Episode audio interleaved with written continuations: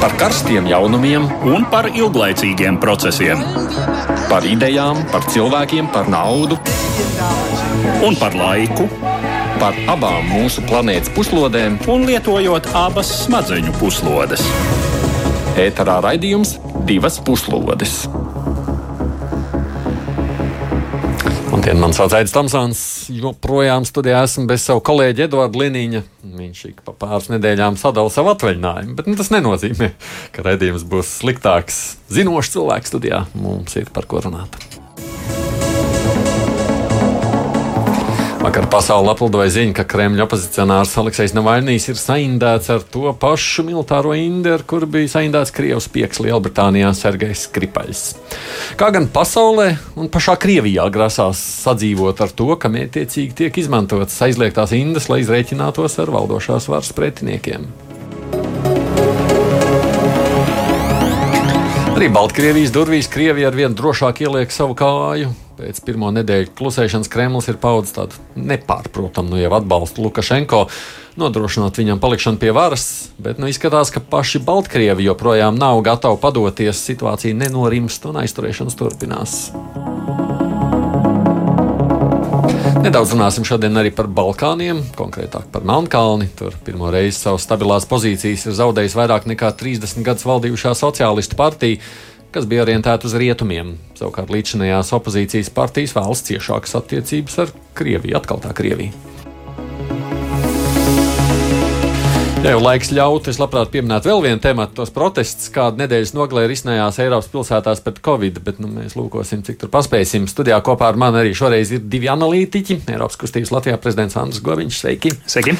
Un Vidzemes augstskolas lektors Rīgas Traģiņu universitātes doktorants Jānis Kapstāns. Labdien! Sveicināti! Bet ir ierasti sākumā arī dažas citas ziņas īsumā.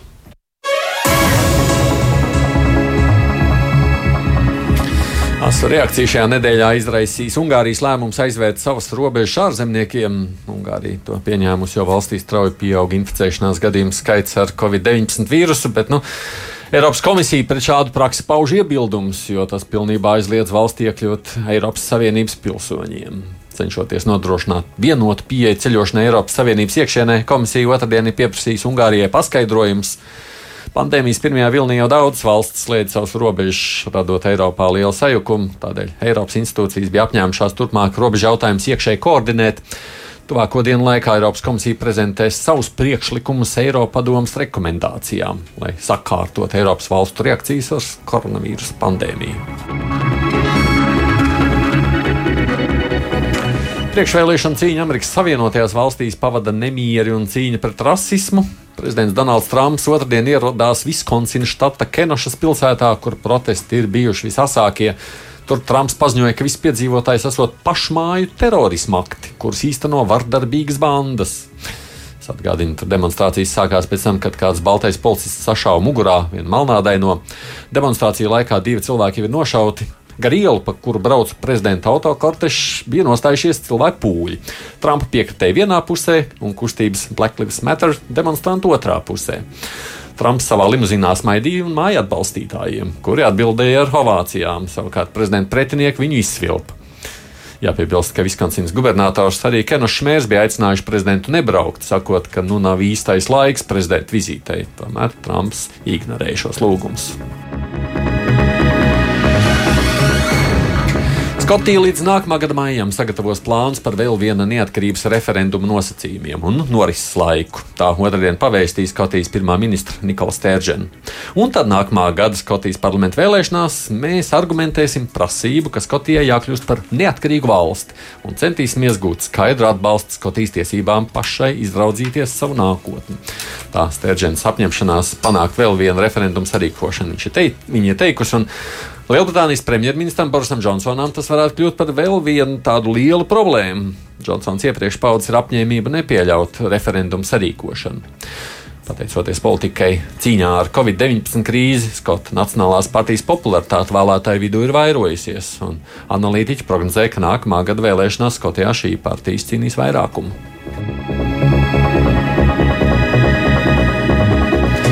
Krievijas Čečenijas reģiona līdera Ramzana Kadīrova, 21 gadu vecā meita Aišata Kadīrova, ir iecelta Čečenijas kultūras ministra vietnieka amatā. Par to otrdien savā kanāla lietotnē Telegram pavēstīja arī pats reģiona līderis, kad Īrovs uzskata, ka viņa meita ir piemērota ministrijas vadībā, jo esot pēdējo gadu laikā vadījusi modes namu kā arī palīdzējuši čečenu māksliniekiem.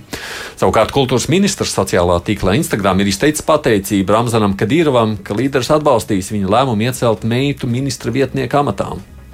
Februārī aizšats, kad īros vadītā modes nama tērpa skata notika Parīzē, un pirms tam skats esot bijuši Graznijā, Maskavā un Dubajā.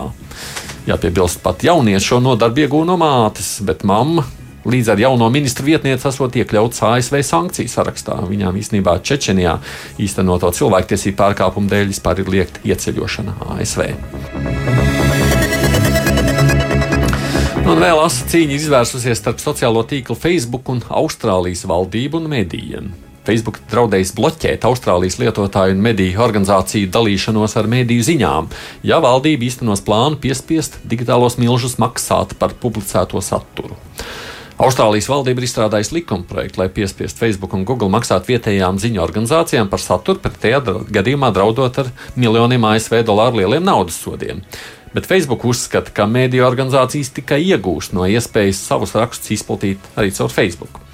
Austrālijas valdības ierosinātais likumdošanas akts sākotnēji tātad fokusēsies uz šiem diviem milžiem, bet vēlāk varētu tikt attiecināts uz jebkuru digitālo platformu. Austrālijas vietējie mediji to atbalsta, un tā pieņemšana ir gaidām šogad.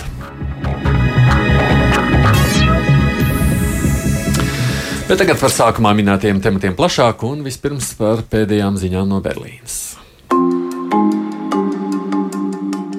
Krievijas opozicionārs Aleksis Navaļņīs ir saindēts ar to pašu indi kā savulaik Sergejs Skripaļs Lielbritānijā. Viņa organismā atrastas novičoku pēdas. To vakar pavēstīja Vācijas valdība, atsaucoties uz laboratorijā izdarītajiem secinājumiem. Tas Navaļņī atbalstītājiem un arī starptautiskajai sabiedrībai ir noņēmis jebkādas šaubas par ļaunprātīgu politiķu indēšanu un radījis jaunu dilēmu rietumiem kā tagad rīkoties. Novičoks ir novērtēts kā ķīmiskais ierocis, un tas nozīmē, ka Krievija tādus ne tikai nav iznīcinājusi, bet arī regulāri izmanto pret saviem pretiniekiem. Tajā pašā laikā pasaules sabiedrība ir izrādījusies samērā bezspēcīga vērsties pret šādiem starptautiskiem noziegumiem. Protams, ir atskanējušās izteikumi un prasības šo gadījumu rūpīgi izmeklēt, taču Krievijas reakcija jau šobrīd skaidri demonstrē, ka nekāda īpaša reakcija no Krievijas puses nesekos.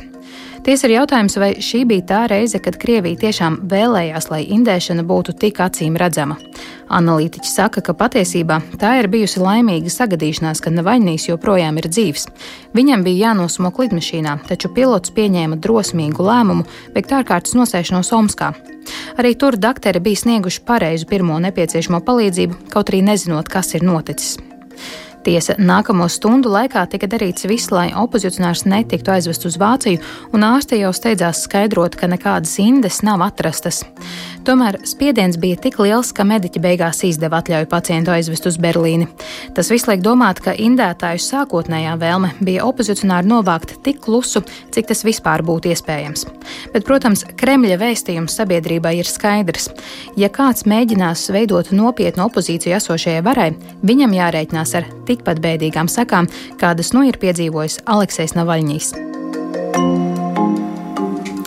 Atgādinu, kopā ar mani šeit studijā Jānis Kapstāns, Nāns Goviņš. Šī ziņa faktiski rada tādus divus pamatjautājumus. Kā uz šo tagad reaģēs pārējā pasaule, nu, un kā uz to reaģēs pašā Krievijā?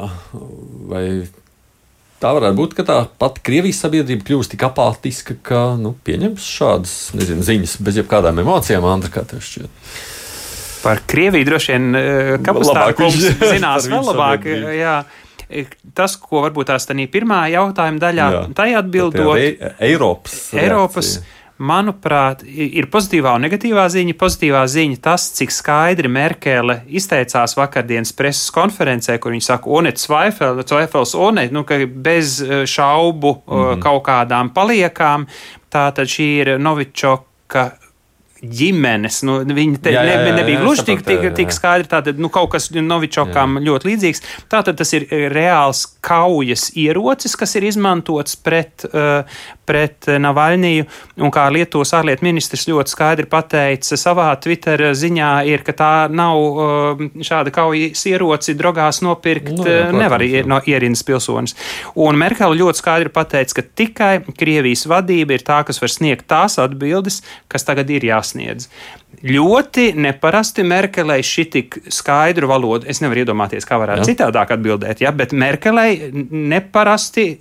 Nediplomāti, nu, skaidra valoda šī sakarībā, tad viss tas, kas sekoja, ir tā sliktā ziņa, ka nu, tad mēs apspriedīsimies, eh, un tad, nu, jā, nu, Nāko, nu, nāko. Nu, tad mēs apspriedīsimies. Nu, tas ir atkal, tad, jā, ja, ja tagad mēs apspriedīsimies, nu, labi.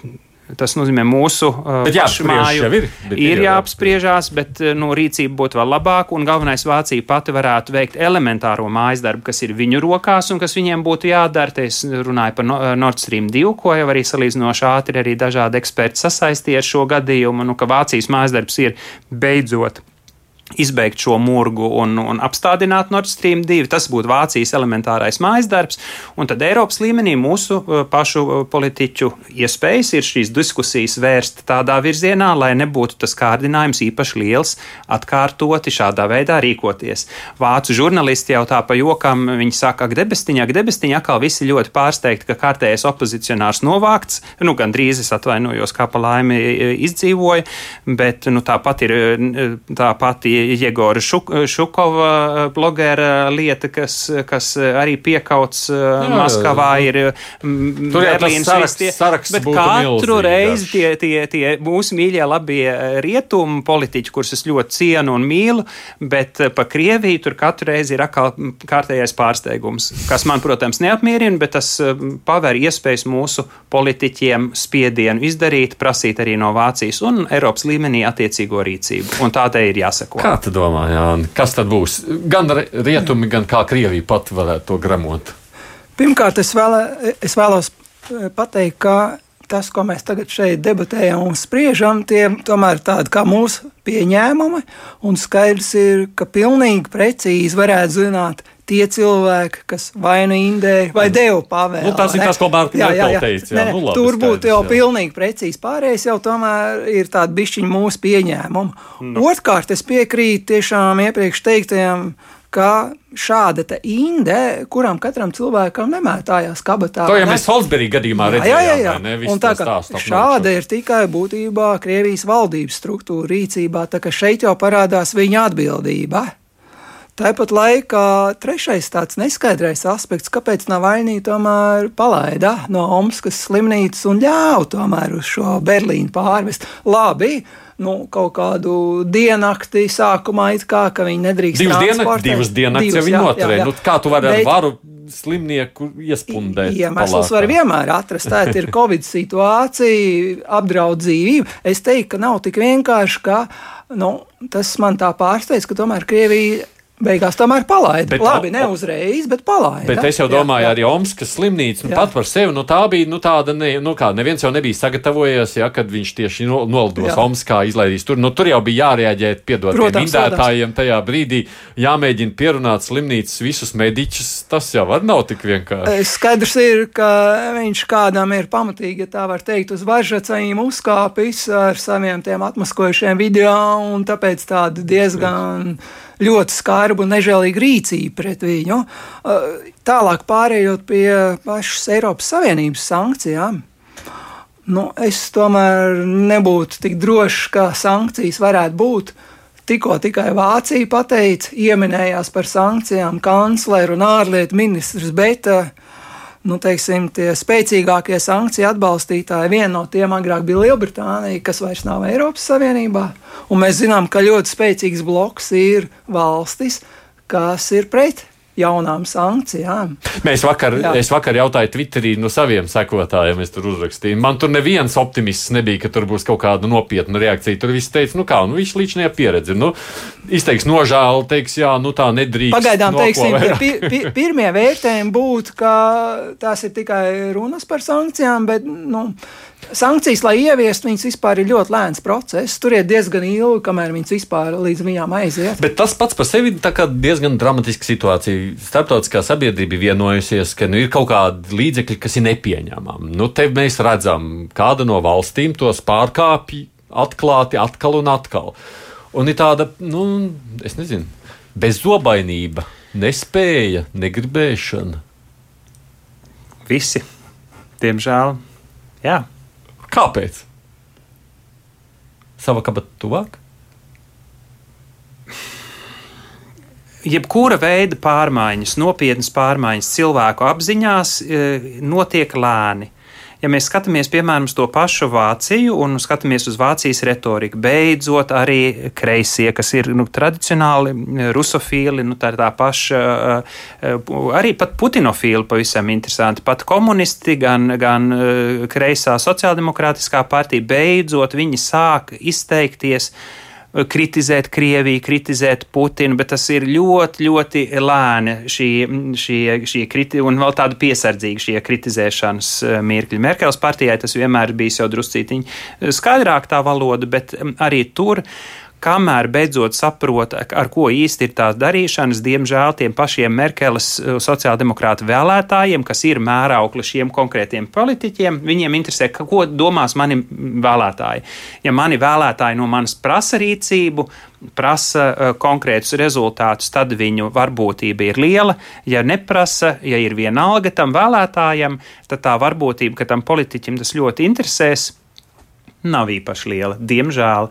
Un tā Krievija, Baltkrievija, viss arī pat Melnkalne, visas trīs tematikas, par kurām šodien arī runājam, viņas tam klasiskam francūzim, spānim, nu, viņas ir gaužam tālu. Un tas klasiskais frančūzis, spānis vai vācietis ir tas, kas ir tas vēlētājs, kas beigu beigās nosaka to, ievēlēs, neievēlēs atkārtot Merkeli sociāldemokrātus vai kādu citus katrā valstī. Un, diemžēl tam dēļ arī, Nu, ir kā manuprāt, Batajā, šī interese ir nepieciešama. Gāze lētāk un viss pārējais. Jā. Uh, arī maciņš beigu beigās var būt savā ziņā. Tad ir lielie lobbyisti ar šrēderiem visiem priekšgalā un, un visas tās lietas, kur tā tad tiek ļaunprātīgi manipulēts ar cilvēkiem, ar pie tā jau arī tiek masīvi strādāts.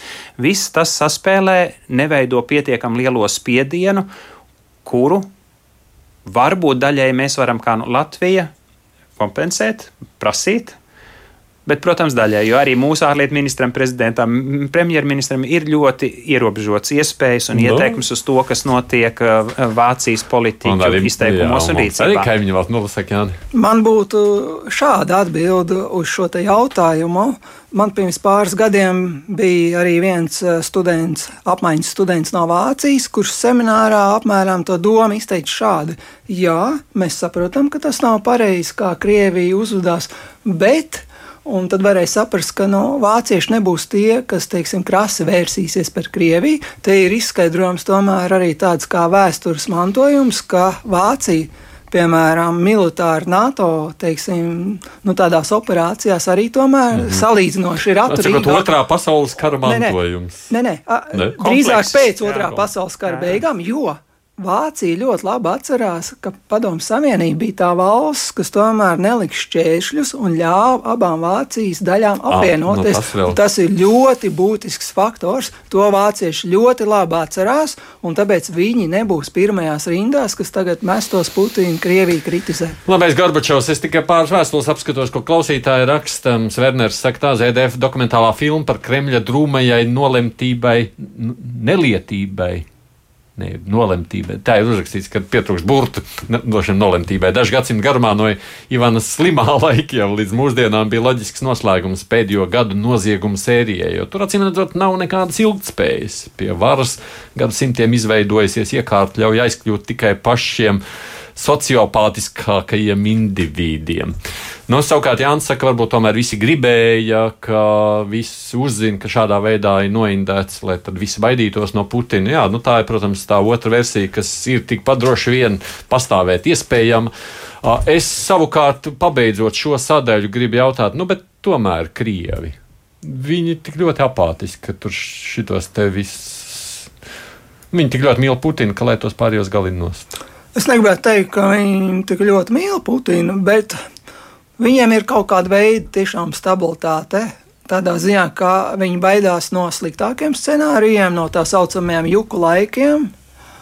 Nē, tā kā tos viņi noteikti negrib, negrib piedzīvot. Un plus, uh, Navaļņīs ir tikai viens no opozīcijas līderiem, un skaidrs ir, ka lielākās daļas sabiedrības atbalsta nu, tomēr Navaļņiem nav. Teiksim, kā ir. Hmm. Es nu, tūlītās runāsim par Baltkrieviju tālāk, priekšu, bet nu, Baltkrievijā. Nu, nu, tur ļaudis nesamierinās tik vienkārši. Ba Krieviem nu, ir tāda sajūta, ka tur dara, ko gribi. Tev tas pašam Man... nemulsina. Nu, labi, tu nepārzini tik labi Krieviju, bet tev tas nemulsina skatoties no malas sekojot lietām, man, es, man ir mana apbrīns pret uh, Baltkrievu tautu ir, ir vienkārši neizmērojams, kā viņi bez līderiem, nu, bez tādiem ļoti Jā. redzamiem līderiem spēja šādā veidā mobilizēties studenti, sievietes. Un kāpēc nu, ne Krievi? Jo par Baltkrieviju tūlīt turnāsim. Nu, viņš ir briedis, viņš ir, ir, ir krājies visus tos gadus. Krieviem ne, nekrājas? Kāpēc Arī... Krieviem šis neuzkrājas? Jā, nu tas būtu ļoti subjektīvs viedoklis, bet ne? interesants jautājums. Jā, nepateikšu. Laikam nav, jā, nav vēl pietiekami traģiski, lai gan kaut kad tas vadzis lūzīs. Jā. Nu, protams, interesanti jau redzēt, kādā veidā tā reakcija tālāk būs. Mēs droši vien par to arī tālāk runāsim, bet nu, par Krieviju ir jārunā arī šī te nākamā temata sakarā. Runa ir par Baltkrieviju. Jau trešo nedēļu Baltkrievijā turpinās protesti pēc prezidenta vēlēšanām. Lai arī valsts mediji ziņoja, ka protesti sāk norimt, svētdien Minskas ielās izgāja aptuveni 150 tūkstoši cilvēku, un atbalsta akcijas notika arī vairākās citās valstīs. Savukārt Baltkrievijas prezidents Aleksandrs Lukašenko brīvdienās Minskā pastaigājās ar automātisko ieroci rokās un brīdināja cilvēkus, ka šonadēļ protesta dalībniekus varētu gaidīt jaunas represijas. Pēdējās dienās no Baltkrievijas pienāk ziņas, ka daudzi streikojošie valsts iestāžu un uzņēmumu darbinieki tiek atlaisti no darba. Piedraudēts atlaist arī pedagogus, kas atbalsta opozīciju, un tā kā, piemēram, streikojošos valsts mediju žurnālistus saistāja propagandas kanāla Raša Tudei darbinieki, pedagogu atbalsta demonstrācijā Latvijā pie izglītības ministrijas bija redzama plakāta ar jautājumu, vai arī skolotājs ievedīsiet no Krievijas. Lai vainātu Nacionālo koordinācijas padomi, viens pēc otra tās pārstāvi tiek izsaukt uz nopratināšanu. Diviem padomus locekļiem piespriests desmit dienu arests par nelikumīgu demonstrāciju rīkošanu, bet pašu koordinācijas padomi Baltkrievijas augstākā tiesa nosauca par nelikumīgu un noraidīja arī Svetlanas Tihanovskas prasību neatzīt Lukašenko uzvaru vēlēšanās. Baltkrievijā Omon atkal izklīdina protestus un aiztur demonstrantus. Novērot arī traucējumu internetdarbībām, kā arī bloķēta piekļuva vairāk nekā 70 neatkarīgajām ziņu tīmekļa lapām. Tikmēr Baltkrievi stāv rindās, lai samainītu rubļus pret ārvalstu valūtu, kas likus Baltkrievijas rubļu vērtībai nokris līdz vēsturiski zemākajam līmenim.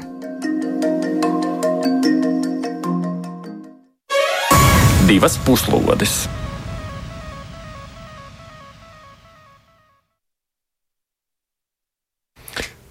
Es tikai atgādinu, šeit studijā kopā ar mani ir Eiropas kustības Latvijā prezidents Andris Gobiņš un Vidzemes augstskolas lektors Jānis Kapustāns.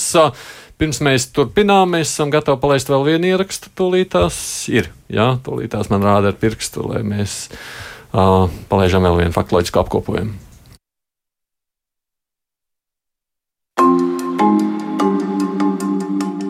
Svētdien Minskas ielās jau atkal bija redzami vairāk nekā 100 tūkstoši protestētāju.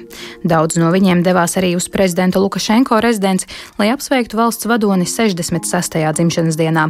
Sveicēja ielās devās ar plakātiem rokās, kuros bija rakstīts, piemēram, Baltkrievijā vīrieši vidēji nodzīvo līdz 66 gadiem, un Čaušesku un Gadafī sūta sveicienus dzimšanas dienā, kā arī skandējot daudz laimes dzimšanas dienā, tu žurka. Svētdienas protestos aizturēt vairāk nekā 120 cilvēki vairāk, taču tas nav traucējis cilvēkiem iziet ielās arī šonadēļ. 1. septembrī tur devās studenti. Vairākus desmitus jauniešu aizturēja, atkal aizturēti arī žurnālisti. Vakar virknē no pēdējās dienās aizturētiem cilvēkiem tiesa piesprieda 5 līdz 10 dienu arestu. Paralēli šiem studentu protestiem 1. septembrī notika vairākas būtiskas lietas. Viena no Baltkrievijas opozīcijas koordinācijas padomas līderēm, Marija Kuļesņikova un nereģistrētā prezidenta amata kandidāta Viktora Babariko štābs paziņoja par politiskās partijas kopā veidošanu. Tās galvenais mērķis būšot panākt konstitucionālu reformu un uzņemties atbildību par jaunas sabiedrības veidošanu. Tāpat otrdien ANO paziņoja, ka viņu cilvēktiesību eksperti saņēmuši ziņojumus par 450 gadījumiem, kad Baltkrievijā pēdējās nedēļas masu aizturēšanu gaitā notikusi ieslodzīto spīdzināšana un necilvēcīga izturēšanās pret ieslodzītajiem. Eksperti informēti par vardarbību pret sievietēm un bērniem, seksuālu izmantošanu un izvarošanu ar gumijas stekiem. Savukārt trešdien Krievijas ārlietu ministrs Sergejs Lavrovs paziņoja, ka Krievija stingri atbildēs uz mēģinājumiem saraut tās ciešo saikni ar Baltkrieviju. Tikmēr Baltkrievijas ekonomikai draud vēl viens trieciens. Minsku, kas ir viens no Austrumēropas tehnoloģiju centriem, draud pamest vairāki IT uzņēmumi. Pēc prezidenta vēlēšanām aptuveni 300 IT uzņēmumu vadītāji draudēja pārcelt savus uzņēmumus uz citām valstīm. Viber vadītājs intervijā Forbes sacīja, ka divi uzņēmumu darbinieki protestu laikā ir arestēti bez iemesla un vēlāk arī piekauti. Viņš sacīja, ka Viber nevar investēt valstī, kuras iedzīvotāji dzīvo bailēs runājot par šo ekonomiku, būtībā paļaušanās uz Krieviju. Ja Krievija tā varētu izglābt gan Lukašenko, gan ekonomiku. Tas ir tas, uz ko viņš šobrīd, man liekas, liek to savu kārtu. Es vēlētos uzsvērt, ka šeit sabrūk pirmais mīts, ka Lukašenko ir garantējis Baltkrievijas neatkarību, varētu teikt, no visas pasaules, arī no Krievijas. Tā, tāds uzskats ļoti daudziem ir bijis. Uh, Nē, nu, viņš jau pats kā tādu jā, veidoja. Būtībā jā. viņš ar visām savām rīcībām ļoti lielā mērā Baltkrieviju ir tuvinājis. Krievijai ekonomika gandrīz vai simtprocentīgi ir integrēta saistībā ar Krievijas ekonomiku. Un, un Piemēram, arī žurnālisti tagad ir pat ievesti no Krievijas rašatu dēļ, vai ne? Kā tā saucamie streiklauži. Un vēl viens otrs mīts, kas, teiksim, tagad Baltkrievijā sabrūk, ir tā saucamais mīts par labajiem Lukašenko laikiem.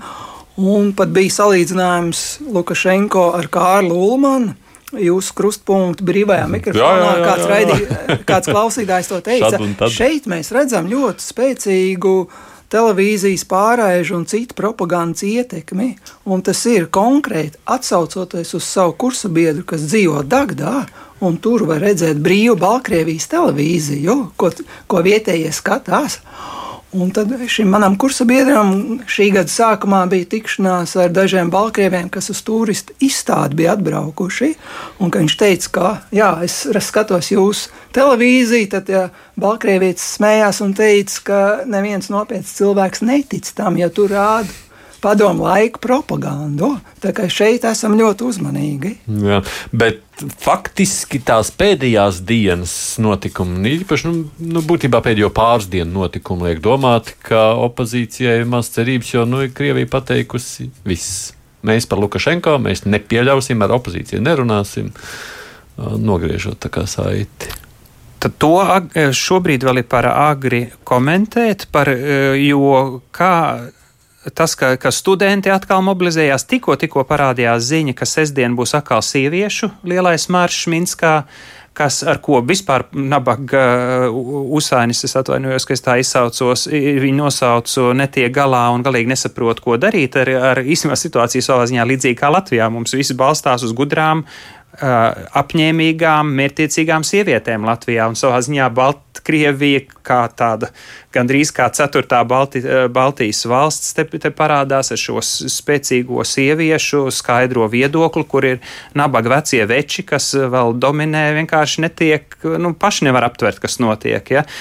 Um, Sievietēm neēt rokas laust visu kameru priekšā vai ne, un gāzt gar zemi. Studenti iziet, skolēni iziet, sievietes iziet. Man liekas, tur nebūtu nav tā, ka jau mēs varam teikt, ka ir, ir norakstāma sabiedrība, ekonomika. Ir, nu, kurā brīdī nevarēs vairs uh, algas izmaksāt, tad, kad neizmaksās algas, vēl būs vairāk neapmierināto. Krievi glābs, Krievi glābs. Krievi jau viss, nu, Lukašenko visu laiku jau ir uz, uz, uz Krievijas, uz Putinas adatas. Viņš jau visu laiku jau tur sēž un ir parādi aug valstī nenormāli un, un viss pārējais. Tā jau visu laiku ir Krievijas adata. Bet arī nu, Putins drusku palīdz tas, ko saka starptautiskie analītiķi, ka Putinam vajag vienkārši mazliet ilgāku laiku, divas lietas uzsver mhm. analītiķi. Vajag, vai Putins ļoti aktīvi strādā pie tā, lai nebūtu tautas uzvara, bet ka būtu nu, iekšējas kaut kādas reformas, un lai šīs reformiņas, kas tur, kuras tur Lukašenko piedāvā, vai ar viņu, vai bez viņa, viņa beig beigās eh, analītiķi saka, tas Putinam ir vienalga, drīzāk jau bez viņa, bet lai sagatavotu pietiekami to eh, augstni, lai būtu tas nākamais cilvēks, kas, kurš tad varētu pārņemt to stafeti, nu, Putinam vajag mazliet vairāk laika. Laik. Nu, jā, un, un priekš tam, eh, nu, šobrīd vēl kaut kādā veidā, nu, iepumpēs kaut kādu naudu īsie, kaut kāda kreditiņa tur būs, kaut kas tāds, bet kurā brīdī tas apniks arī pašam Putinam, tas ir laika jautājums. Un, Tātad, ja viss notiek pēc Putina plāna, bet nemaz nav garantēts, ka viss notiek pēc Putina plāna, uh, nu, vēl man liekas, Baltkrievu tauta Parādīs, ir, ir, ir gana spēcīga, lai jā, arī parādītu, ka būtu gatava pārsteigumiem. Bet ir milzīga pacietība, vai ne, tiem ļaudīm? Es vēlētos uzsvērt par abām pusēm. Ja mēs skatāmies uz protestētājiem, ja, tad viņi būtībā no protesta sākuma ļoti veiksmīgi mainīja taktiku. Tiešām bija tas posms, kad sievietes izgāja, ko mēs tikko pārunājām, un vēl otra veida taktika, ka viņi svētdienā iziet ļoti masveidīgi.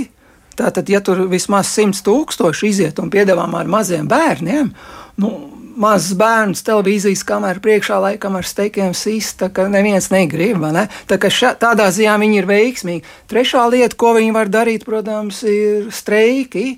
Un šeit sākumā kaut kāda streika bija, bet tagad mēs redzam, nejūtām tādas masveida streikas. Tā kā jautājums, vai streika no, nu kā ierocis aizies.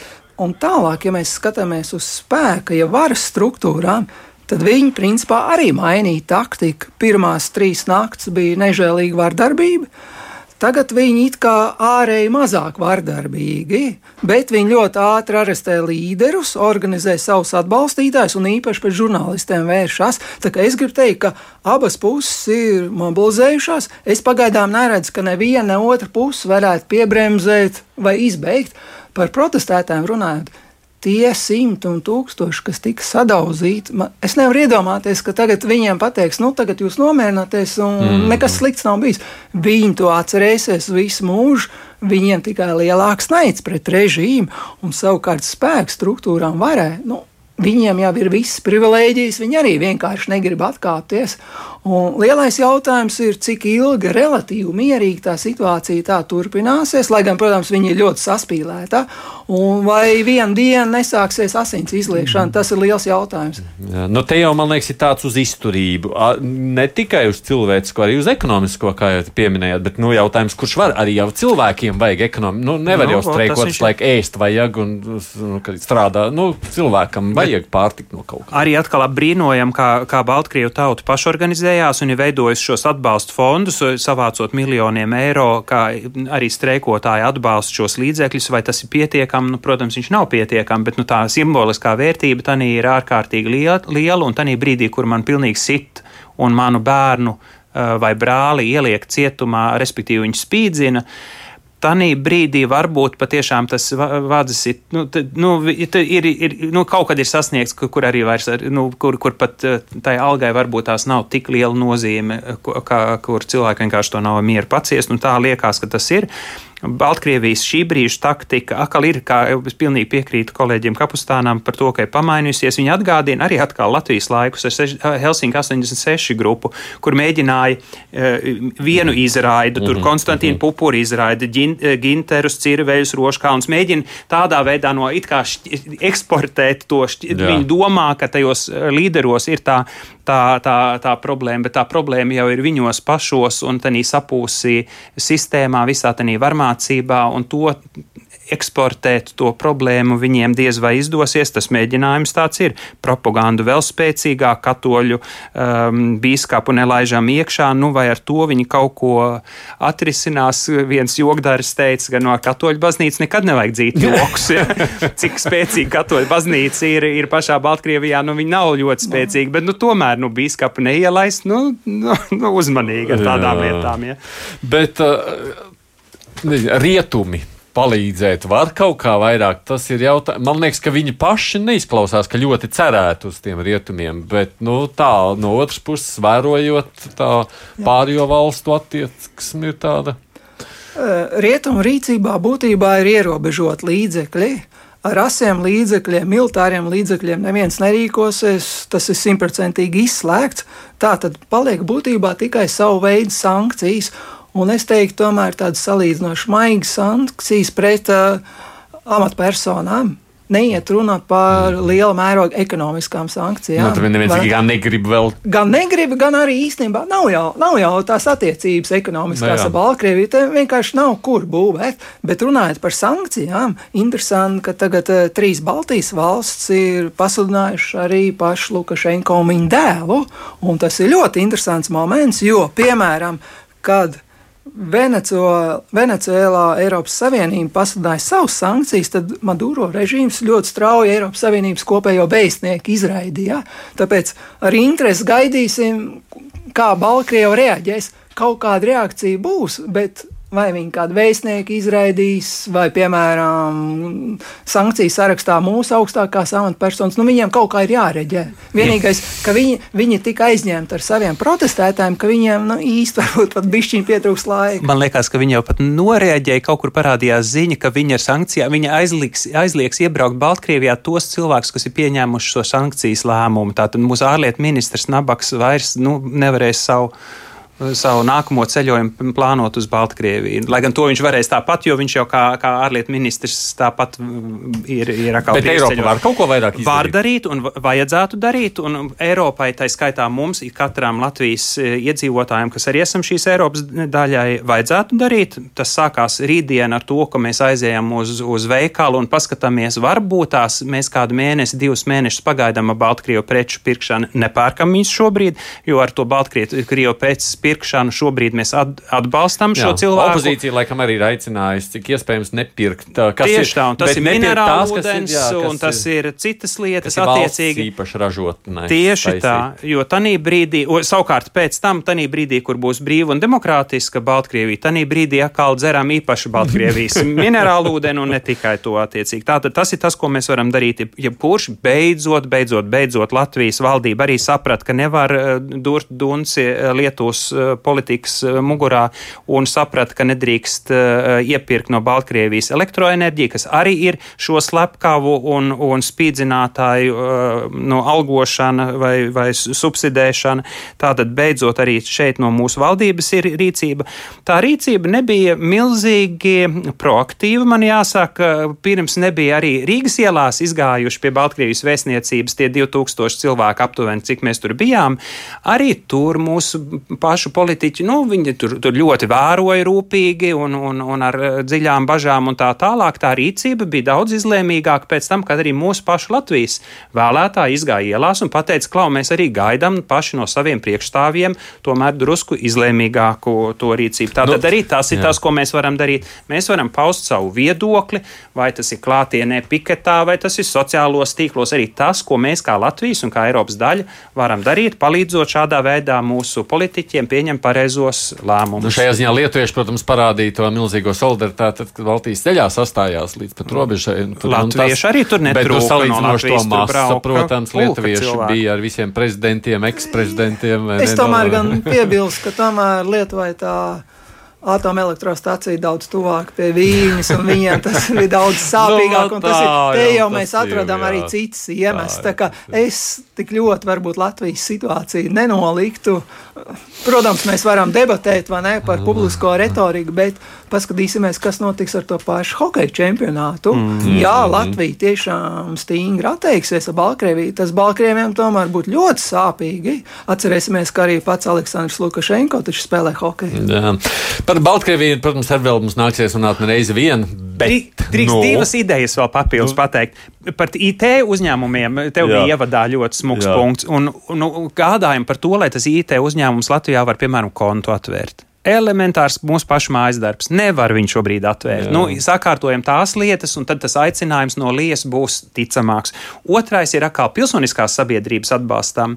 Div, eh, Atveram universitātes, kapustāns varbūt var savējā vēl tur vairāk studentus uzņemt un tā tālāk, ko ir darījusi Lietuva atvērusi universitātes. Un otrais ir gādājumi par to, un varbūt te var Latvijas valdība veidot īpašu atbalstu programmu, lai Latvijas, lai Baltkrievijas sievietēm palīdzētu darboties Eiropas NVO tīklos, jo mums ir jāveido izpratne. V- Vācijas, Beļģijas un tā tālāk sievietēs par to, kas notiek, kā par ko cīnās Baltkrievijas sievietes. Tāpat Baltkrievijas pensionārs, ja viņš kā pirmavots pastāstīs tam Beļģim, Francūzim, tur cilvēks vairs nevar būt vienaldzīgs, un mēs veidojam kopējo Eiropas šo viedokli ar šāda veida pilsoniskās sabiedrības atbalstu. Nu, Viss. Andriem ir visādi ieteikumi jums, bet vēl vienu tematu pieminām, vēl viens vēlēšanas īstenībā, un tur jau laikam tā pilnībā par Krieviju nerunāt nevar.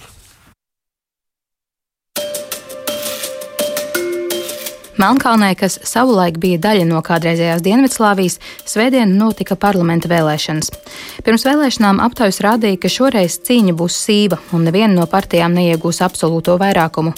30 gadus Melnkalnē pie varas ir bijuši sociālisti, un līdz šim viņi bija baudījuši lielu vēlētāju atbalstu. Tomēr šogad viss ir citādi. Pastāv liela iespēja, ka sociālisti vispār var zaudēt varu. Viņiem izdevies iegūt vien vairāk nekā trešdaļu balsu. Tā joprojām ir lielākā partija parlamentā, taču gadījumā, ja opozīcijā esošās partijas apvienotos, tām var izdoties gāzt sociālistu nemainīgo valdīšanu. Valstī, kur šī partija nekad nav zaudējusi, tās ir milzīgas pārmaiņas. Trīs lielākās opozīcijas partijas kopā kontrolēs 41 no 81 vietas parlamentā. Tas savukārt nozīmē intensīvas un saspringtas koalīcijas sarunas. Ir gan jāņem vērā arī tas, ka prezidents Džukanovičs pārstāv sociālistu partiju, un viņš būs tas, kurš izraudzīsies, kuram pirmajam uzticēt jaunās valdības veidošanu. Viens no būtiskākajiem iemesliem, kādēļ sociālistiem šīs vēlēšanas izrādījušās tik bīstamas, ir strīds ar serbu pareizticīgo baznīcu. Pagājušā gada decembrī Melnkalnē tika pieņemts pretrunīgi vērtāts likums par reliģisko brīvību. Likums satur normas, kas var novest pie daudzu baznīcai piedarošo klosteru nacionalizācijas. Lai gan Melnkalna ir izstājusies no savienības ar Serbiju, trešdaļa Melnkalnas iedzīvotāji identificē sevi kā serbus, un pareizticīgie ir lielākā reliģiskā konfesija Melnkalnē. Līdzinējā sociālistu valdība savukārt ir bijusi pro-rietumnieciska. Jāpiebilst, ka Melnkalne nesen iestājās NATO un ir arī ceļā uz Eiropas Savienību. Vai var dēvēt to Serbijas opozīciju par prokrievisku, kā izskatās? Jā? Es varbūt iesākšu drīzāk, ka tā opozīcija ir par tuvināšanos Serbijai. Serbijai, un Krievija jā. tad pēc tam jau nākamajā, kā saka, vilnija tā varētu teikt. Tātad tas stāsts ir, ka uh, šī te Melnkalna salīdzinoši nesen uh, izstājās no savienības ar Serbiju, tātad 2006. gada referendumā un 2017. gadā iestājās NATO. Un skaidrs ir, ka lielai daļai nu, tas nav pieņemams. Un īpaši, teiksim, pro-serbiskiem Jā. spēkiem. Un šeit ļoti svarīgi jāatzīmē arī ir baznīcas nostāja serbu. Pareizticīgā baznīcā metropolīts skaidri aicināja vēlēšanās balsot pret valdošo partiju. Jā, tā kā šeit arī šādi momenti. Un, protams, kā ir pārmetumi, ka šai valdošai partijai, kas tiešām 30 gadus bijusi pie varas, nu, ka viņi ir ar korupciju un noziedzību saistīti. Es domāju, ka šeit zināmā mērā šādi apgalvojumi pat varētu būt kaut kāds pamats. Jā. Bet cik varētu būt to proserbisko un cik savukārt, nu, kas nevēlas, jo, nu, protams, val, nu, arī jau iepriekš sociālisti nu, viņi jau pārstāv kādu daļu no, no sabiedrības, kas, kas nevēlējās šo savienību ar Serbiju. Mēs nevaram tā Nevar pilnīgi precīzi izrēķināt, skaidra, ne, bet šobrīd? eh, aptuveni es teiktu, ka droši vien kāda puses uz Puses, teiksim, tie noskaņojumi. Bet tas nozīmē arī, ka uh, mēs teiktu, ka Melnkalna tādā gadījumā varētu virzīties prom no Eiropas Savienības kursa. Pagaidām vēl ir pārāk teikt, jo tai opozīcijai, lai viņi pārņemtu varu, viņiem ir jāapvienojās, kas nav tik vienkārši. Jā. Jo tur ir trīs jā. un ja viņi to izdara, tad viņiem būtu 41 vieta no 81. Nu, tā tad būtībā tas ir nekāds pārsvars, tas ir 50 plus 1%. Nu, mm. 41 no 81 vietas. Nu, būtībā es teiktu, drīzāk, ka sāksies milzīga nestabilitāte, un tas ir lielais jautājums, vai tā opozīcija spēs apvienoties, lai pārņemtu varu. To rādīs laiks. Ko tu saki par Melnkalnu? Jā, es, es ļoti priecājos, Gods un Slavu Latvijas rādio, ka pieskaramies Dienvidslāvijas tematikai, kas šķietam ir ārkārtīgi tālu, bet man liekas, ir tomēr ļoti aktuāla gan Eiropas Savienības kontekstā, gan arī nu, ir, ir svarīgi redzēt druscītī plašāku to lauku nekā tikai pašam savu pīdīķi. Tādēļ man par to ir liels prieks.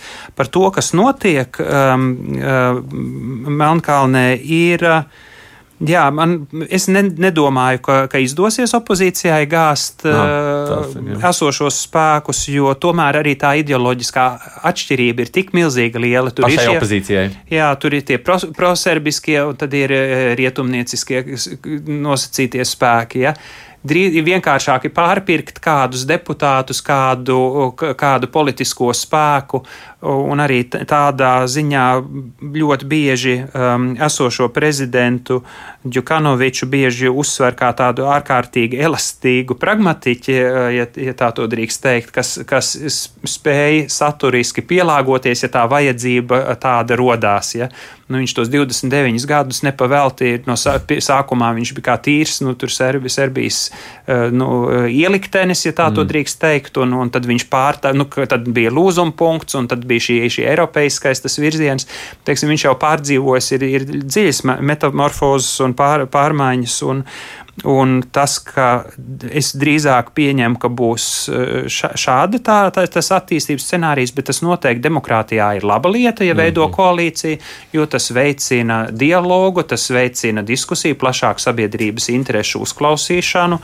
Um, un arī varbūt tās sagatavot tos spēkus, kas var patiešām pārņemt nākotnē to stafeti, jo būs vairāk tādi, kas ir opozicionāri, kam jau būs bijusi kāda valdības uh, pieredze. Tā jau vispār ir tāda mazliet savdabīga demokrātija. Mēs sakām, nu, 30 gadus vieni tie paši. Nu, tas ir tā, Latvijai tas būtu oh, nepārvarams sapnis vai mērķis. Bijusī Dienaslāvija, protams, ir tāds uh, savādāks reģions.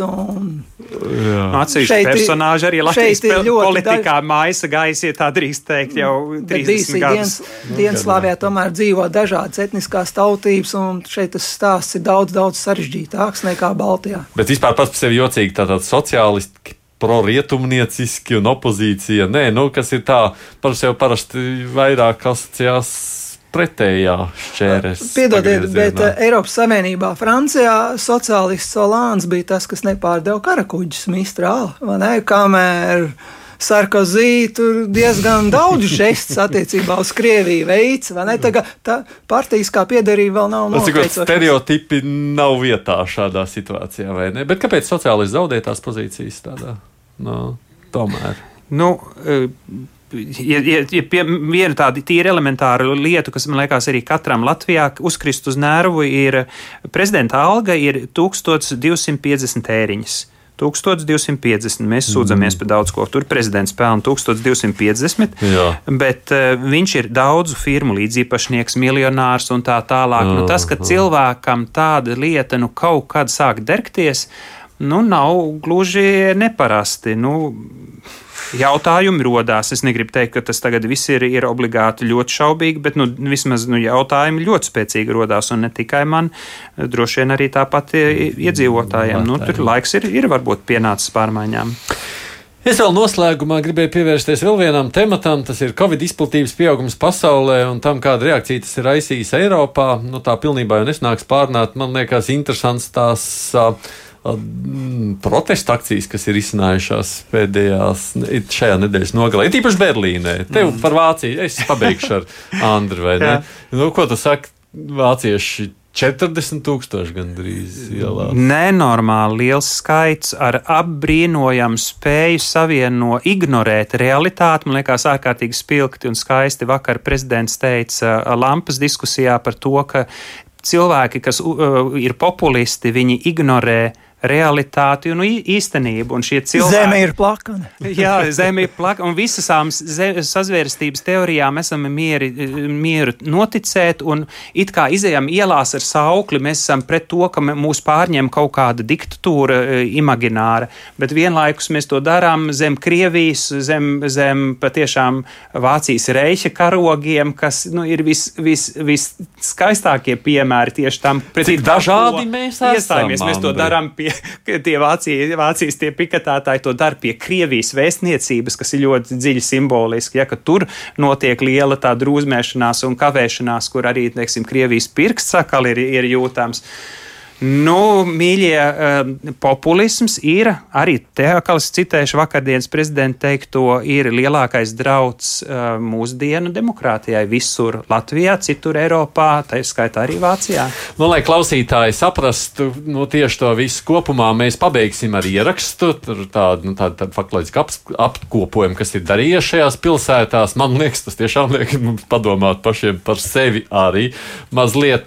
Es teikšu jums paldies par to, ka jūs piedalījāties šīs dienas raidījumā. Divi Eiropas kustības Latvijā prezidents Andris Goviņš paldies. un Vidzemes augstskolas lektors Rīgas Traģiņu universitātes doktorants Jānis Kapstāns. Paldies, ar Jāni, ka tu atnāc uz šejienu. Šeit studijā bija arī es, Aits Tomsons, mūsu producents, tātad Ieva Zeiza. Paldies arī klausītājiem par iesaistīšanos un klausīšanos. Mēs tiksimies pēc nedēļas, bet noslēgumā tagad tā tad vēl tāds apkopojums, viens ieraksts. Pagājušajā nedēļas nogalē vairākās Eiropas valstīs notika plašas protesta akcijas pret ierobežojumiem, kas ieviestas saistībā ar Covid-19 pandēmiju. Ļaudis bija izgājuši ielās gan Londonā, gan Cīrihē, gan Berlīnē. Pēdējā piesaistīja visplašāko uzmanību, jo tur bija sanākuši gandrīz 40 tūkstoši cilvēku, divi tik vairāk nekā iepriekšējā reizē augusta sākumā. Vēl nedēļas vidū Berlīnas varas iestādes aizliedz demonstrāciju, paužot bažas par inficēšanās riskiem. Tomēr pēdējā vakarā tiesa aizliegumu atcēla ar nosacījumu, ka tiek ievērota sociālā distancēšanās vismaz pusotra metra attālumā. Kā jau bija gaidīts, protestētāji nekādus piesardzības pasākumus neievēroja un visbeidzot policija protestus izdzenāja. Taču pūļu spārnoti daļa protestētāju centās ielausties Reistāgā un tikai ar grūtībām izdevās apturēt Reistāga ieņemšanu. Kaut arī neapmierinātības pamatā ir cīņa pret covid-19, analītiķi skaidro, ka pandēmija ir kļuvusi par konsolidējošu elementu dažāda veida neapmierinātībai, lielā skaitā pulcējot gan sazvērstības teoriju piekritējus un vakcinācijas pretiniekus, gan labējos un kreisos radikāļus. Ņemot vērā to, ka infekcija atkal izplatās arvien straujāk, Berlīnas varas iestādes ir nolēmušas, ka turpmāk demonstrācijās ar vairāk nekā 100 cilvēku piedalīšanos būs obligāta masku valkāšana. Izņēmumi būs noteikti vienīgi autobraucēju un velosipēdistu akcijām. Līdz šim maskas Berlīnē bija obligāts vienīgi sabiedriskajā transportā un veiklos, kā arī skolāniem skolās.